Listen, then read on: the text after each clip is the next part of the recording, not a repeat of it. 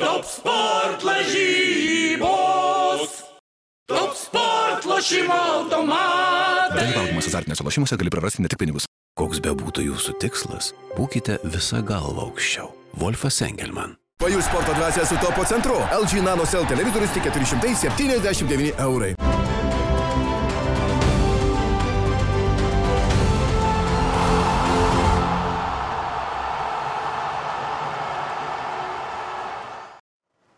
Labas rytas, skrienčio kamulio žiūrovai, labas rytas, 15 min draugai. E, šiandien prasideda Europos čempionato pusfinaliai ir pasakysiu tau gintarai, gintaras Radauskas mūsų studijoje taip pat. Labą Šį dieną. rytą pasakysiu Labas, tau gintarai, kad e, liko vos trejos rungtynės šitame čempionate. Didžioji to maratono dalis yra nubėgta. Tai liko, na, tie paskutiniai keli šimtai metrų, kurie bus kertiniai šitom keturiom komandom, kurios vis dar liko turnyre. Ir e, ar ne per greitai tau šitas čempionatas prabėgo? Ne, galėtų būti trumpesnis. Sakai, tai norėtum mažiau komandų, norėčiau, kad ar būtų mažiau 16 rungtynių, ar komandų, trumpesnio, komand... 16 trumpesnio komandų. turnyro? 16 komandų ir trumpesnio turnyro. Man patiko labiau ankstesnis formatas 24 rungtynės, reiškia, kad rungtynių yra šiek tiek daugiau prastesnių, taip pat greičiau pasijaučia nuovargis e, komandose ir tikrai jisai jaučiasi jau ypač tose komandose, kurios galbūt neturi tokių gilių sudėčių. A, tai jo, galėtų būti gal šiek tiek trumpesnis, visgi, man atrodo, turėtų būti skirtis tarp Europos čempionato, kuris ir turėtų būti kuklesnis šiek tiek ir pasaulio čempionato. Dabar tiesa, Arsenas Vengeras stojo į tų pusę, kurie norėtų renkti pasaulio čempionatą kas dviejus metus, nes to nori fanai, pasak Arseno. Mhm. Nežinau, kaip tu Labiau pats nori galvoji. FIFA, man atrodo, matydama tą pinigų maišą, kurį gali pasimti. Jo, aš, aš panašiai Sum, sumenktų prestižas, manau, tiesiog to turnyro, kas, ketve, kas ketverius metus vis tiek yra labai laukiamas, jeigu būtų kas dviejus.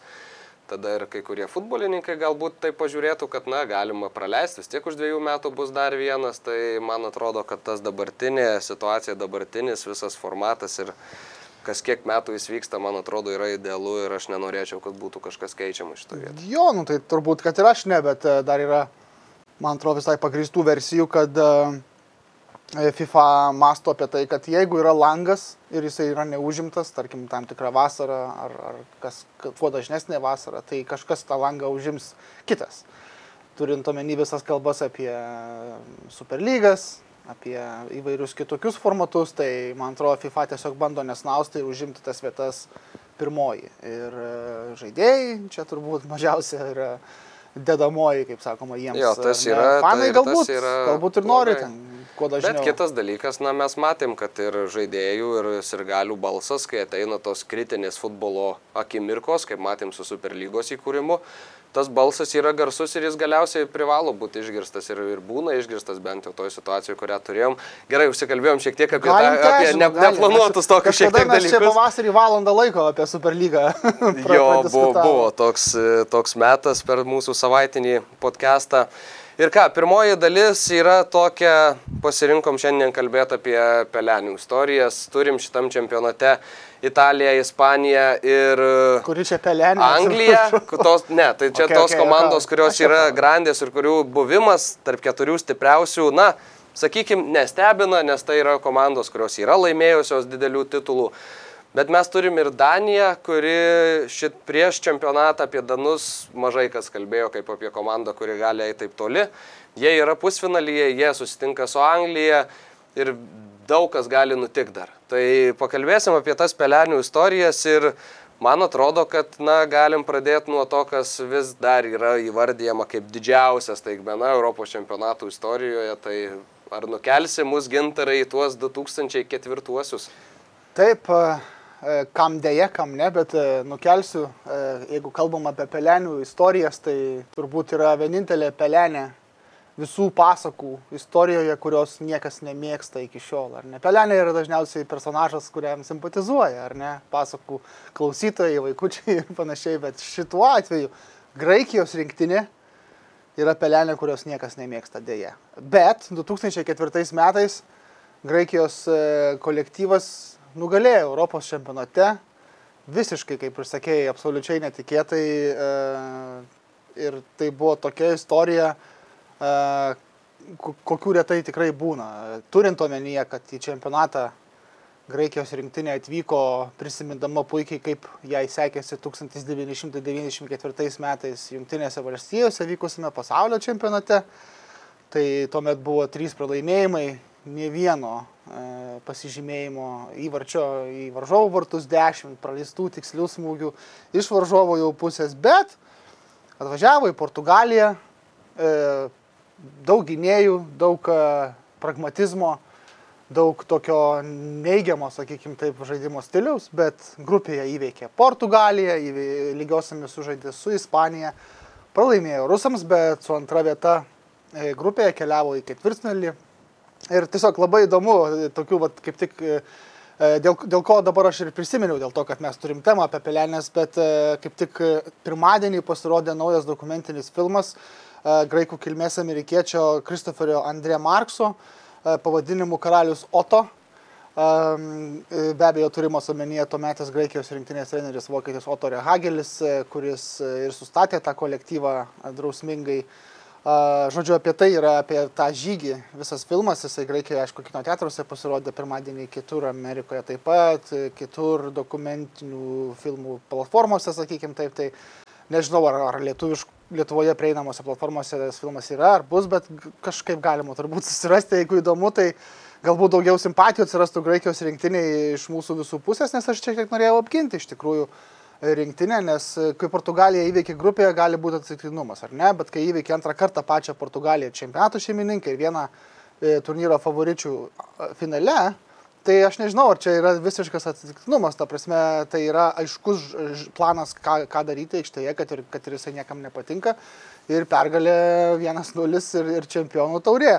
E, Prieš ketvirtfinalio rungtynės su Prancūzija tą kartą prieš 17 metų graikai beje jau buvo susikrovę lagaminus ir žaidėjai, ir treneriai, ir kiti delegacijos nariai užsakė atostogos jau buvo vasaros. Bet e, tada kažkaip sugebėjau neutralizuoti ir Zidaną, ir Thierry Henry, kurie, jeigu atsiminsim, aikštėje tikrai tuo metu blaškėsi ir buvo labai nepatenkinti tuo, kaip juos stabdo graikai, bet sustabdė, įmušė Angelos Haristės ir, žodžiu, kaip, e, kaip sakė tas pats filmo režisierius naujojo, e, stebuklas vis kartojosi ir, ir, ir, ir tas sapnas vis plėtėsi ir, ir tapo vis ambicingesnis ir tada kas, tada Če- Čekijos rinktinė pusfinalė, kuri buvo labai e, simpatiškas kolektyvas tuo metu, buvo įveikta irgi sidabrinio įvarčio tuo metu galiojusio pagalba, o finale visi žinom, portugalai puolė, puolė, puolė, o graikai išlaukė standarto ir, ir, ir, ir, ir tada iškovojo pergalę e, begėdiškas pragmatizmas, tai buvo vadinama daug metų e, vadinamas Graikijos rinktinės žaidimas tame turnyre. E, Britų dienraštis The Guardian irgi panašiai parašė taip, kaip aš dabar pasisakiau apie Pelenę, kad tai yra tie vadinamieji underdogai, kuriems labiau nei bet kada istorijoje nesėkmės linkėjo visas pasaulis. Nesimpatizavo underdogams, bet nesėkmės linkėjo. Bet va čia kažkuris žaidėjas tos, tos rinktinės pasisakė, kad jeigu vat, anglams, tūkstančiai anglų pasiūlytų e, tokiu stiliumi iškovojama pergalė Europos čempionate šių metų, tai tūkstantis anglų, man atrodo, e, imtų šitą dylą, man atrodo, iš karto, ar ne?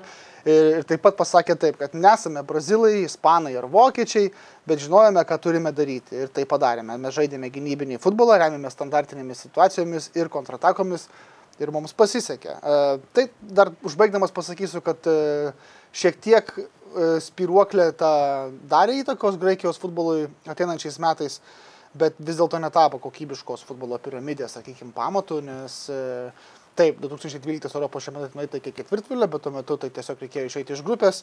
E, 14 metais pasaulio čempionate Brazilijoje buvo nukeliauta iki aštuntfinalio, tai irgi iš grupės iškeliauta. Bet žinom, ar ne, kad šįmet e, nežaidė graikai čempionate ir, ir tik, tiesą sakant, tas toksai nuosmukis vis dar jaučiamas e, ir, ir, ir rinktinėje, ir nacionalinėme čempionate. E, Tai žiūrėsim, kas nebus, aišku, nėra ten silpna ta rinktinė, bet e, tokios sėkmės dabar nematau horizonte, kokia Bet, jos ištiko e, prieš 17 metų. Žinai, aš noriu kažkiek gal ir pakalbėti būtent apie tą, kad žmonėm žiūrėti į tą Graikiją buvo nesmagu ir neįdomu. Ir tu galėjai pykti dėl to, kad jie žaidžia ne tokį futbolą, kokį tu nori stebėti. Bet graikam buvo taip nusišvilpt, ką galvoja kiti apie jų futbolą. Jeigu tas futbolas atnešė jiem čempionų titulą, man atrodo, jie žaistų tokį futbolą visą šalies istoriją, jeigu tas futbolas būtų sėkmingas. Ir tai darytų, daro bet kuri komanda, jeigu tu turi talento, tu žaidė atakuojantį futbolą, mušį įvarčius ir taip nugali varžovus. Jeigu tu turi mažiau talento ir matom ir šio laikiniam futbolė yra tokių pavyzdžių, kad jeigu tu neturi talento, tu susistatai gynybą labai gerą ir lauki savo progų. Ir kai atsimenu, čia prisiminsiu dabar, tarkim, Marijampolės Udovos, tuos visus žygius Europoje, visi kalbėjo, čia būrino taktika yra skausmas akims kraujuoja akis žiūrint, kaip Sūduva ginasi 85 minutės, bet kažkaip praeina. Bet rezultatas buvo ir tai yra svarbiausia. Ir kai man teko kalbėti su vienu trenerių štabo nariu, e, taip neoficialiai, ir jis sako, na, tam, kad žaistum tokį žaidimą, tu turi mylėti gintis. Hmm. Be meilės savo gynybai tu absoliučiai nieko nepasieksi. Ir mes matom, kad ir tie patys graikai tam čempionate, aš tikrai labai sunkiai atsimenu tą čempionatą, man buvo 10 metų tuo metu. Bet, e, bet žiūrint iš tų highlightų visų, iš tų santrokų rungtynių, na, jie, jie mylėjo tą savo gynybą ir jie atidavė visas jėgas ten. Ir turėjo rezultatą. Tai man atrodo, kad ir ką kažkas sako, graikam yra visiškai nusišvilpti, nes jie yra Europos čempionai 2004 metais. Taip, jų, jų rinktinės pavadinimas yra įrašytas į istorijos futbolo knygas, ar ne, ir bus tas. Ant gražuolės taurės taip. Taip, bus gal toks netikėtumas, ar ne, didžiausias, irgi, irgi garbė, aš sakyčiau taip, ar ne. Nu, Ir nu, tada akmuo jau eina į daržą kitų komandų. Taip, nu, nepralaužia. Ir nepa, nepasakysi, kad ten Jeigu buvo komandos kažkokiam nuosmukyje ar neformoje, buvogi ir, ir vokiečiai ir visa kita. Nu, ta prasme, tai patys kalti jo, kodėl tu nepralaužė. Čia kaip prieš seną į Maurinio žaisdami irgi, oi, kaip čia jisai. Taip. Tai pramušk, nu. Tai pramušk. Nu, Nepramonė pramušė ir nepramušė. Ir Milano Interas, kai laimėjo čempionų lygą. Nu, apsigynė, mylėjo gintis, mylėjo kontratakuoti įspūdingai. Taip. Viskas. Taip. Futbolas yra labai įvairus. Man e, tiesą sakant, tikrai kartais atrodo, kad vien koncentravimasis į žaidimo grožį nėra pilnavertis. Nu, tai matom, ispanus atiduodančius tūkstantį perdavimų per rungtynes, bet tai jau net nei gražu kartais būna, nei efektyvu, tai kas iš to? Taip. Taip. Ir galim, manau, eiti prie kitų dar šiek tiek staigmenų, kurių esam turėję Europos čempionatų istorijoje. Tai dabar aš pasisakysiu Prašau. savo vieną iš variantų, tai yra 2008 metų Turkija. Pasiektas pasiekimas, na, nėra toks įspūdingas kaip graikų, ar paskui gal kalbėsim apie danus.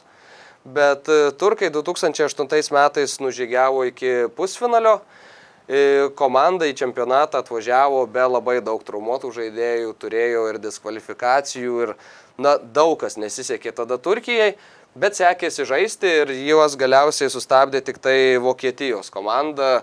Filipas Lamas įmušė įvartį 90 minutę, prieš tai 86 minutę dar Semichas buvo išlyginęs rezultatą.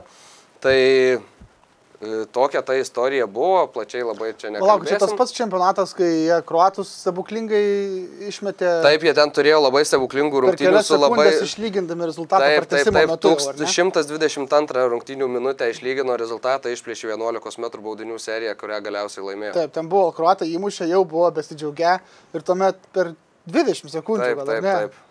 Visiškai. Tai ten, man atrodo, iki šiol yra vėliausias. Vėliausias pats, įvartis. Jau šiam čempionate 20 metų. Ukrainiečiai buvo netoli. Taip, taip buvo netoli taip. tą pergalingą įvartį, kai mušė iš vedų vartus. Tai buvo antras vėliausias, o šitas, vad būtent turkų įvartis. Tai buvo įspūdingas, man aš atsimenu, žiūrėjau, man atrodo, kažkur pas draugus, tai išplėtė akis, ten kas čia vyksta, bet, nu, tikrai fantastika. Ja. Aišku, už kruatus ir gom, bet Tai ką padarysi? Yeah. Gerai, tai gal, gal pats jau apie Danus tokį vis tiek nu, reikėtų. Nu, tai ką ten tiesiog paminėti, tik tai ir galiu iš tikrųjų. 92 metais, jeigu tau 2004 metais buvo 10 metų, man 92 buvo 7. Uh -huh. Tai to man čempionato tikrai neatsimenu. Du, du metai prieš Krasnicko erą buvo 92. Nu, prieš Krasnicko erą. Fantastika. E, bet tas čempionatas buvo dar kuklesnis savo komandų skaičiumi. Taip. Danai ten iš visgi, atsimenam, pateko tik dėl to, kad Jugoslavijos rinktinė buvo diskvalifikuota. Nes tada iš atrankos patekdavo tik viena komanda, o Jugoslavija buvo su Danija grupė ir Jugoslavija laimėjo tą atrankos turnyrą. Taip, tai Danai be abejo kaip tokie e, netyčiukai turnyre nebuvo laikomi jo favoritais, bet e, turėjo tikrai neblogų žaidėjų. E, Ir, ir vis tiek, aišku, netikėtai laimėjo tą Na, čempionatą. ant, ant tiek netikėtai, kad dvi, likus dvi, berods dieną ir dviem dar vienas žaidėjas skrido vestuvių savo švęs, nes buvo susiplanavęs, nes niekas negalvojo, kad gali taip sektis. Nu, tai čia panašiai kaip graikai su tais lagaminais, ar ne, tik tai, kad jau čempionato metu. E, tai daugiau aš ten nelabai ką ir pridursiu, tiesą sakant. E, Yra filmas, galima pasižiūrėti. Jo, filmas yra Netflix'e. Beje, tai, tai Netflix'e aš tikiu, kad turi vis daugiau Lietuvoje žmonių.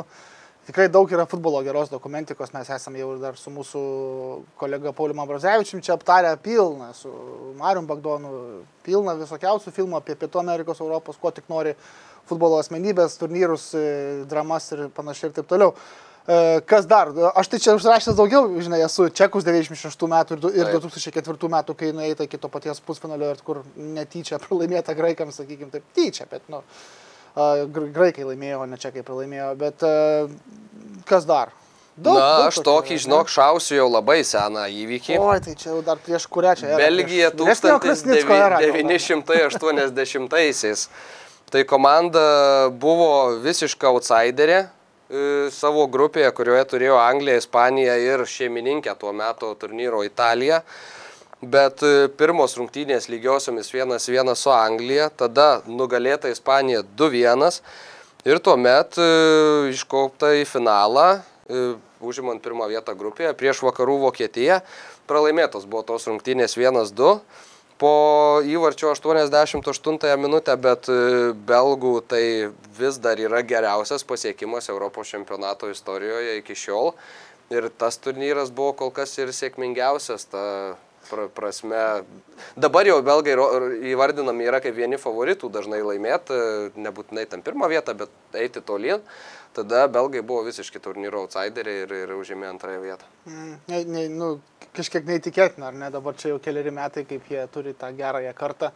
Nesirištų vadinti jos auksinė, nes nelaimėjo. Nieko. Jau kalbėjom apie... Toksai, apie... toksai nacionalinių rinktinių futbolo Tottenhamas, ar ne, Belgijos rinktinė. Yra, yra, Yra labai, panašumų, turi ne? puolėją tokį aukštą, neblogai galvą žaidžiantį, Jo, jo. bet, bet, Bet nelaimi nieko. Bet nieko nelaimi. Jo, tai jo, ir iškrito jau iš šio čempionato.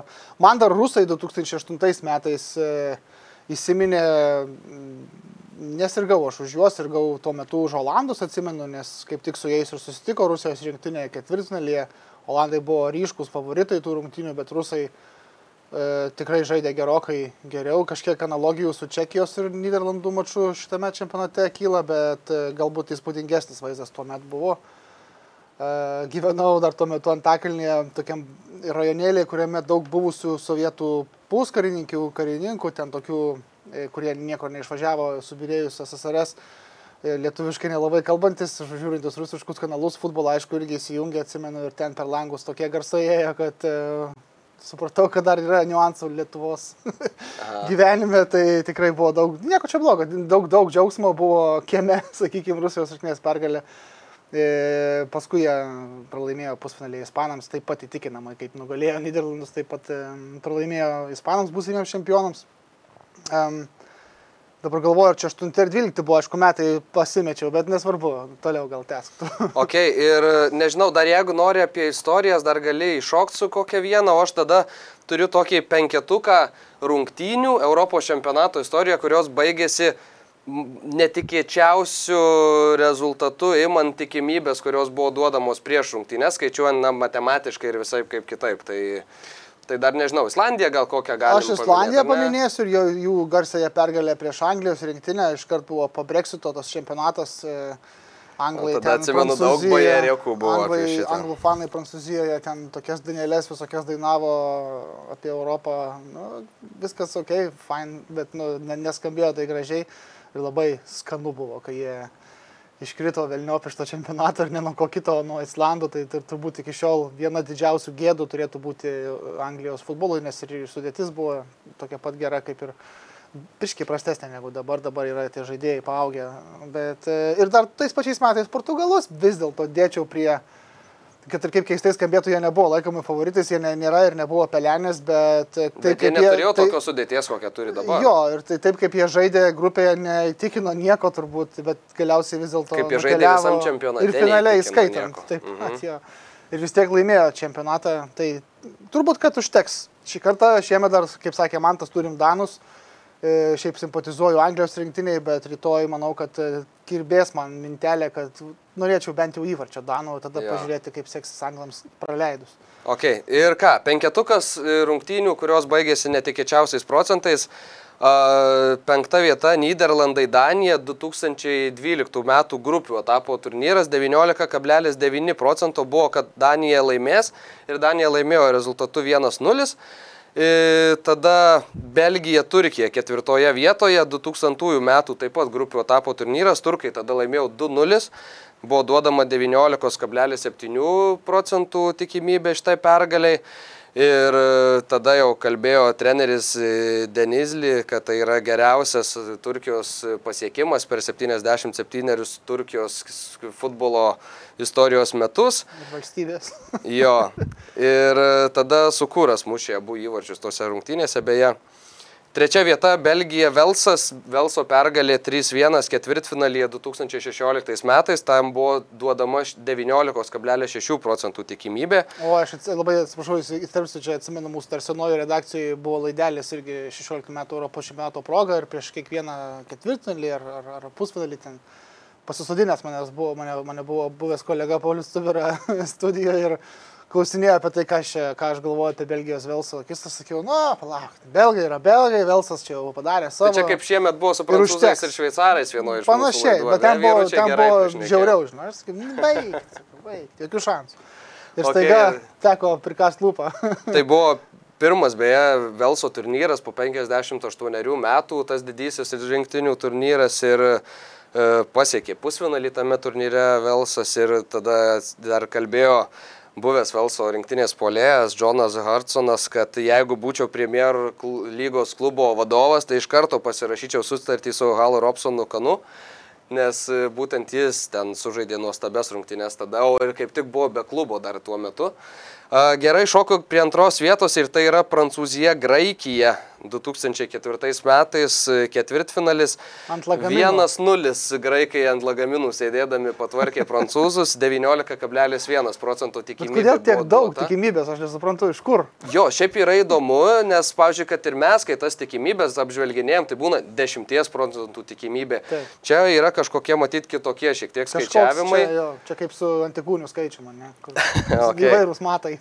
Ir e, tada sakė po tų rungtynių e, e, Haristėjas, kad tai yra geriausias Graikijos futbolo istorijoje momentas. Dar nenutuokdamas, kad tais pačiais metais už kelių dienų laukia ir dar geresnių tų momentų.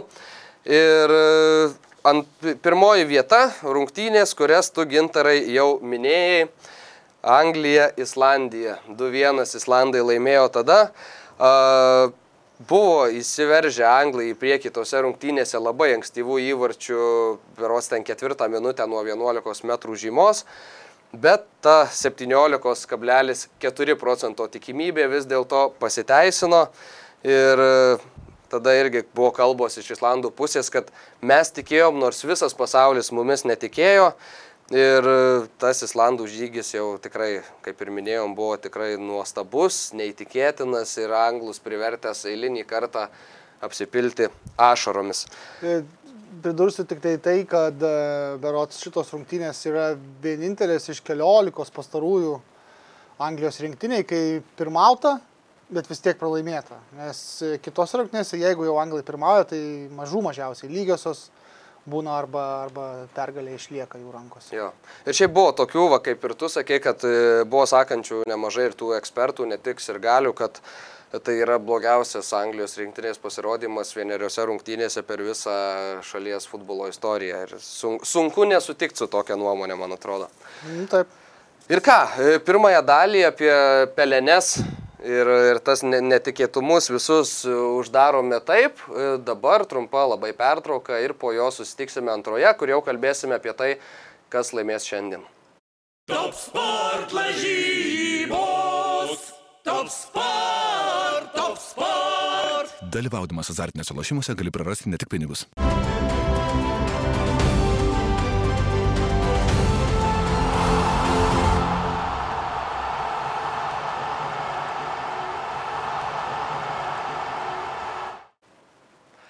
Grįžtame į studiją, antra laidos dalis, mūsų laidos rėmėjas yra Top Sport, už ką jiems labai esame dėkingi. Ir pirmasis pusfinalis - Italija, Ispanija. Jeigu kalbėsime apie tikimybės, apie kurias ką tik kalbėjome, tai tik tai kiek ankstesnių metų, tai dabar italų pergaliai skiriami 38 procentai, Ispanijos pergaliai 32, lygiosioms 30 kalbame apie pagrindinį laiką, o kalbant apie patekimą į finalą, Italija 54, Ispanija 46. Reiškia, kad, na, bent jau bukmekeriai aiška, aiškaus kažkokio favorito neižvelgia. Ir jau prieš kalbant apie pačias rungtynes ir kas jie supa, galim paminėti, kad net ir kamulio išvaizda keičiasi ateinant jau į tą ketvirtą, kai uh, turėsim uh, pusfinalius ir finalą Vemblio stadione. Komandos žais su kiek kitokiu kamuliu, būtent dabar matome jį savo ekranuose. Tikrai gražus dizainas, toks, žinai, kai A lygoje žaidžia komandos e, ant dirbtinės vėjos, labai dažnai balti kamuoliai tampa tokiais, na, šviesiai juodai, sakyčiau. Tai kažkas panašaus bus ir, ir dabar. Tai čia tas pa, pasidabrėjimas, papilkėjimas toks. Jo, jo, jo. yra? Ir tu Taip. šiek tiek tos, tie ornamentai irgi keičiasi spalva, Taip. ne? Okay. Tai va. Ir ką, galim šokti prie rungtynių ir jeigu e, leisit man, tai aš pradėsiu šiek tiek istoriją apie Luisą Enrique ir jo santykį su Italija. 1994 metai pasaulio čempionatas. E, Žaidžia Luisas Enrique dar futbolą profesionaliai, žaidžia Ispanijos rinktinėje.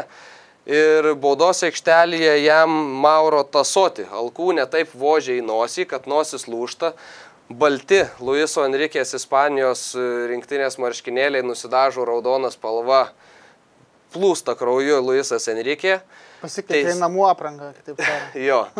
Ir e, teisėjas tuo metis nesiryšta skirti 11 m baudinio. Ir e, kaip pasakojo paskui vienas Ispanijos tuo metinio rinkt, e, fizioterapeutas, Senenas Cortegoso, sakė, kad Luisas Enrique buvo pasiruošęs nužudyti teisėją po šitų rungtynių.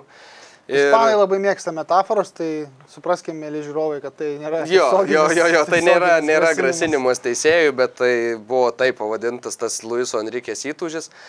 Ir prabėgo 27 metai ir nuo tos dienos Luisas Enrikė nei kaip futbolininkas, nei kaip treneris nėra susidūręs su Azuri komanda Italijos rinktinė. Ir ši dvikova jam bus pirma po tų 94-ųjų.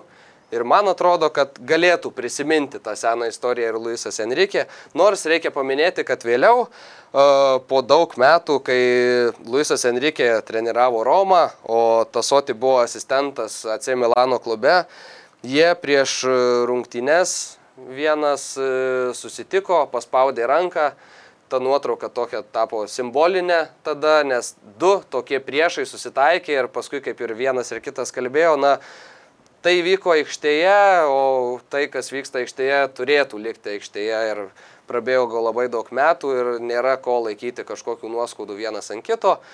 Tai va, tai tokia istorija su Luiso Enrikės krauju pa- pažymėta, kuri, kurią pradedam apžvalgą šitų rungtynių ir dabar galime eiti jau gal šiek tiek prie nūdienų aktualių. E, Turbūt dar šiek tiek istorijos irgi galiu pridėti labai nesenos. Iš tikrųjų, e, šios rinktinės susitiko, atsiminkim, 2012 metų čempionato finale. Taip. E, Ir tuo metu, skirtingai negu dabar, kaip rodo bookmakerių prognozijas, aiškus favoritas buvo Ispanija.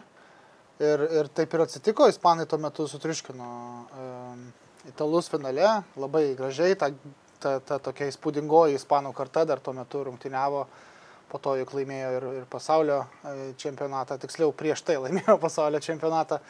Um, jo, tai toks pakartojimas ir proga kerštui galbūt iš italų pusės, e, vis tiek jie šiek tiek didesni favoritai, šiek tiek yra, ar ne, nes žaidžia užtikrinčiau, stabiliau ir, ir gražiau tiesiog, man Jo. atrodo, šitame čempionate. Aš sutikčiau su tavim dėl šito ir šiaip ir e, žvelgiant į komandų statistiką, kurią galėsime pamatyti ir savo ekranuose, tą komandų palyginimą, tai, na, italai laimėjo viską, ispanai laimėjo vos keletą rungtynių, nes kiti buvo, kitos buvo arba lygiosios, arba po pratesimo, arba po 11 m baudinių. Ir viena pergalė per penkerias rungtynes per 90 minučių. Ir matom būtent tą. Nors e, ta Ispanija beje mušė įvarčių daug šitam čempionate, bet 10 įvarčių mušė per dviejas rungtynes, nes čia Bet kruatų. pergalės tai trejos turėtų būti, trys, man atrodo. Grupėje Slovakai ir dar dviejos ketvirtfinalyje ir Čia apie aštuntfinalyje. di- šitą kalbant e, Pagrindinį laiką? pagrindinį laiką Ai. be 11 m baudinių serijų. Gerai, Taip yra tvarkoj. skaičiuojama. Okay. Bet Ir- muša daugiau į, į, į vartus. Ispanai vėlgi turbūt, e, atsiprašau, kad pertraukiau, Ne, ne, ne, bet viskas kad turėtų tvarkoj. būti e, kontekstas įvertinamas, nes yra varžovai skirtingi, skirtingos situacijos rungtynėse, kai tau reikia pulti, tau nereikia vartytis ant žolės 18 minučių, atsiprašau, kad aš vis grįžtu prie to Italijos rungtynės momento, bet čia toks kaip šaukštas deguto medaus statinėje yra šiek tiek, sakyčiau, į- į- Italijos. ir beje. Ispanija yra laimėjusi jau vieneriomis rungtynėmis daugiau nei Portugalija buvo tuo pat metu laimėjusi 2016 metais, kai iškovojo Europos čempionų titulą. Ir e, būtent e, pusfinalis yra tas etapas, kai Portugalija pagaliau sugebėjo iškovoti pergalę per pagrindinį laiką ir tai buvo prieš Velsą 2-0. Ir Ispanija, kaip ir Portugalija prieš penkerius metus, e, aštuntfinalyje nugalėjo Kroatiją per pratesimą. Tai, na, ispanai, jeigu nori kažkuo pasiguosti ir kažką susiras savo teigiamo, tai gali žiūrėti vat, į Portugalų istoriją ir įsikvėpti iš to. Aš jeigu galima išskyriau tokius kelis momentus taktinius, galbūt į kuriuos reikėtų atkreipti dėmesį, labiau gal žiūrint į Italijos rinktinę ispanams. Turiu omeny, kai ispanai žiūri į savo varžovus, ką jie turi turėti omeny ir ką jie galbūt turėtų stabdyti Italijos rinktinėje ir ką tvarkytis pas save, e, kad būtų kuo efektyviau žaidžiama ir kuo sėkmingiau rungtyniaujama.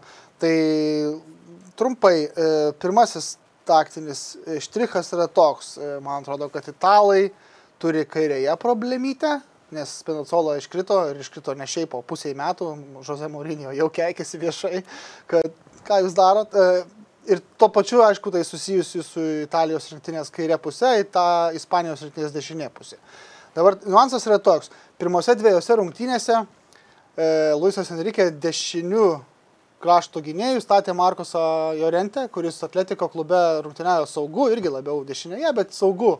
Jisai geriau moka atakuoti negu gintis. Čia Taip, jisai žaidžia atak- gynyboje.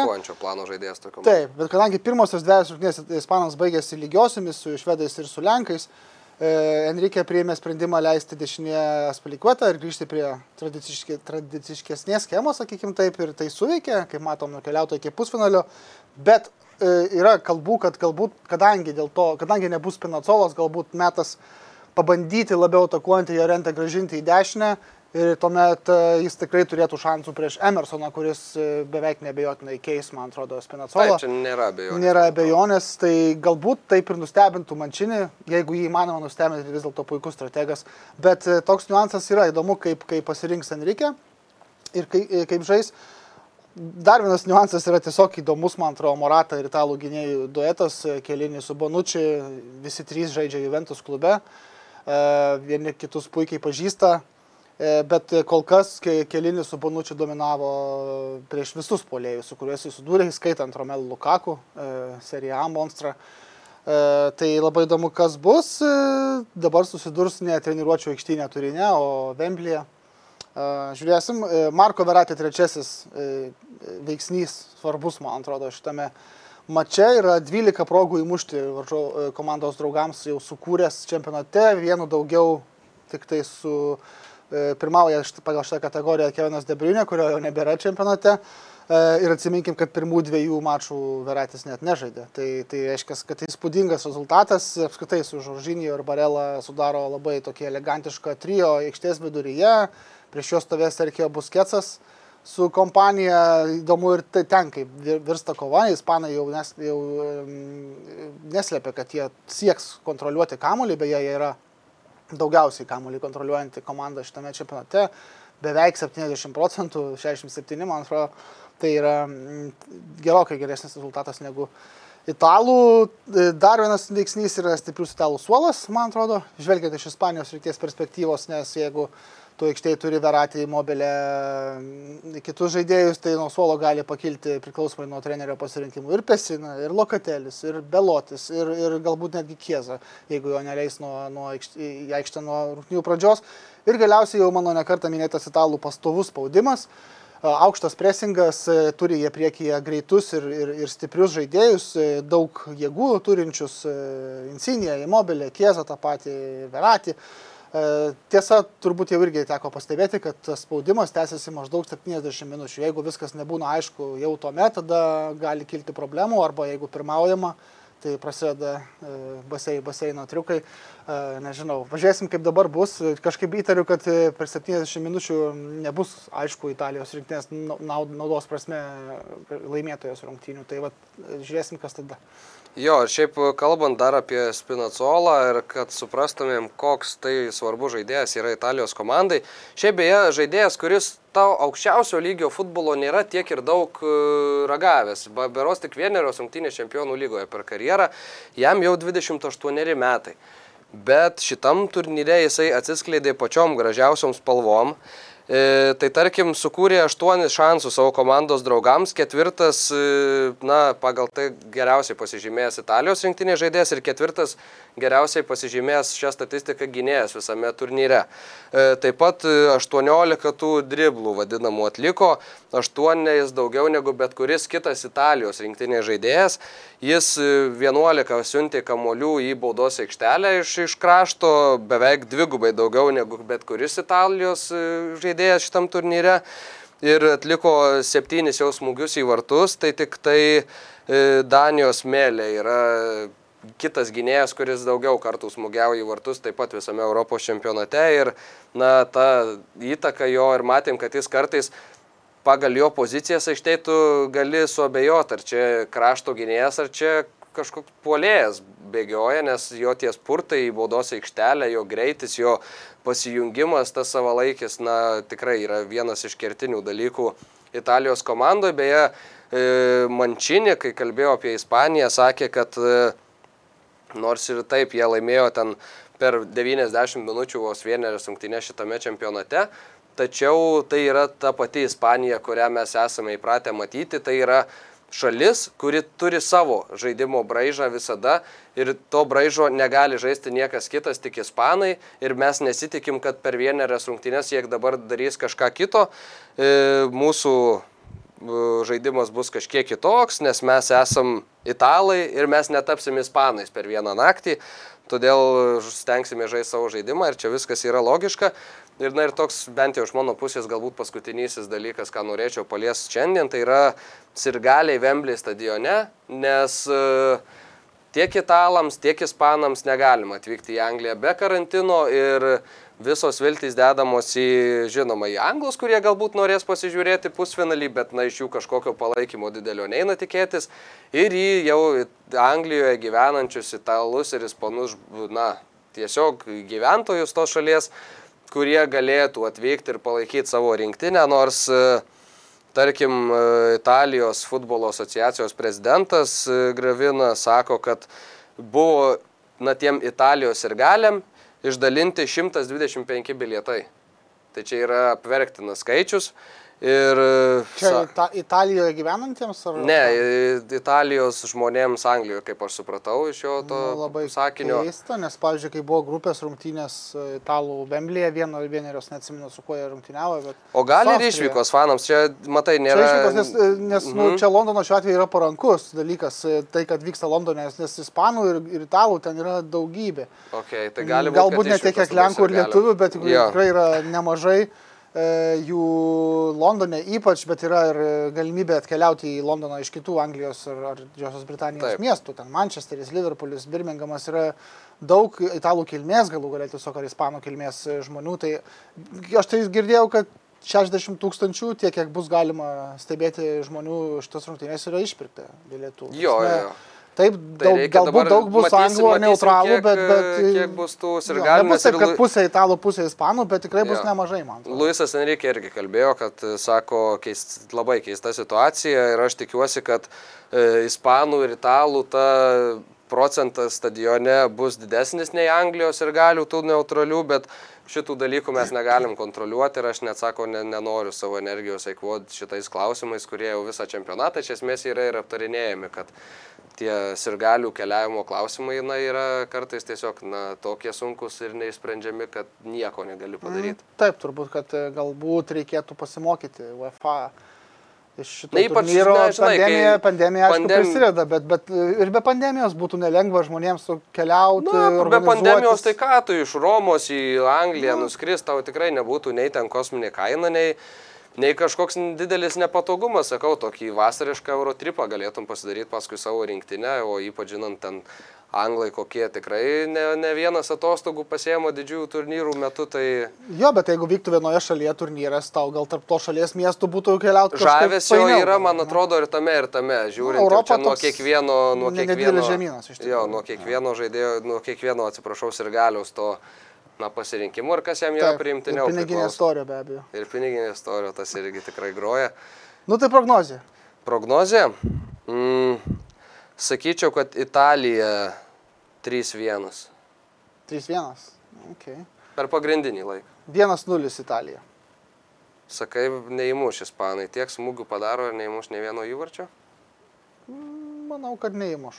Gerai. Nu, aš jau esu mes, atspėjęs, mes- kaip ir tu esi atspėjęs, tai žiūrėsim. Gerb, Man atrodo, kad ne vienas nespės. Tavo nuomonę gerbiu. Taip, aš irgi tavo, šiek tiek mažiau, bet... Gerai, tai uždarom šitų rungtinių apžvalgą, e, trumpa pauzė ir paskelsime klausimą, kurį atsakę galėsite laimėti prizą. Top sport lažybos. Top sport lošimo automatai. Dalyvaudamas azartiniuose lošimuose gali prarasti ne tik pinigus.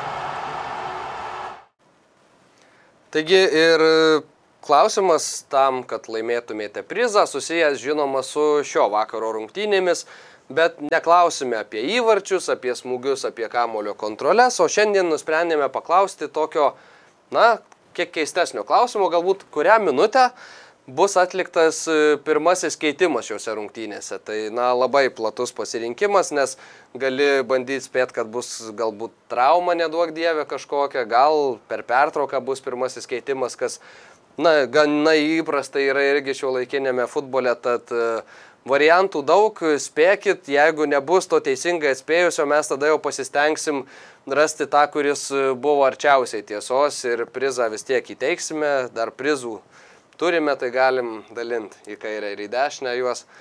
Ir ką, gintarai, pasikalbėjom vėl šiandien plačiai, bet manau visai įdomiai. E, Kamuolys praskriejo ir skries jis žinoma iki pat e, 11 Liepos dienos, iki tada, kai paaiškės, kas tapo Europos čempionais, o iki tol kiekvieną rytą 9 val. visose įmanomose platformose ieškokite skrienčio kamulio, o skrientis kamuolys būtinai suras jūs. Gintaras.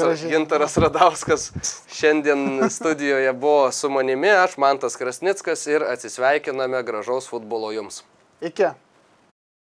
Top sport lažybos. Top sport lošimo automatai. Dalyvaudamas azartiniuose lošimuose gali prarasti ne tik pinigus. Koks be būtų jūsų tikslas, būkite visą galvą aukščiau. Wolfas Engelman. Pajus sporto dvasia su topo centru. LG Nano Cell televizorius tik 479 eurai.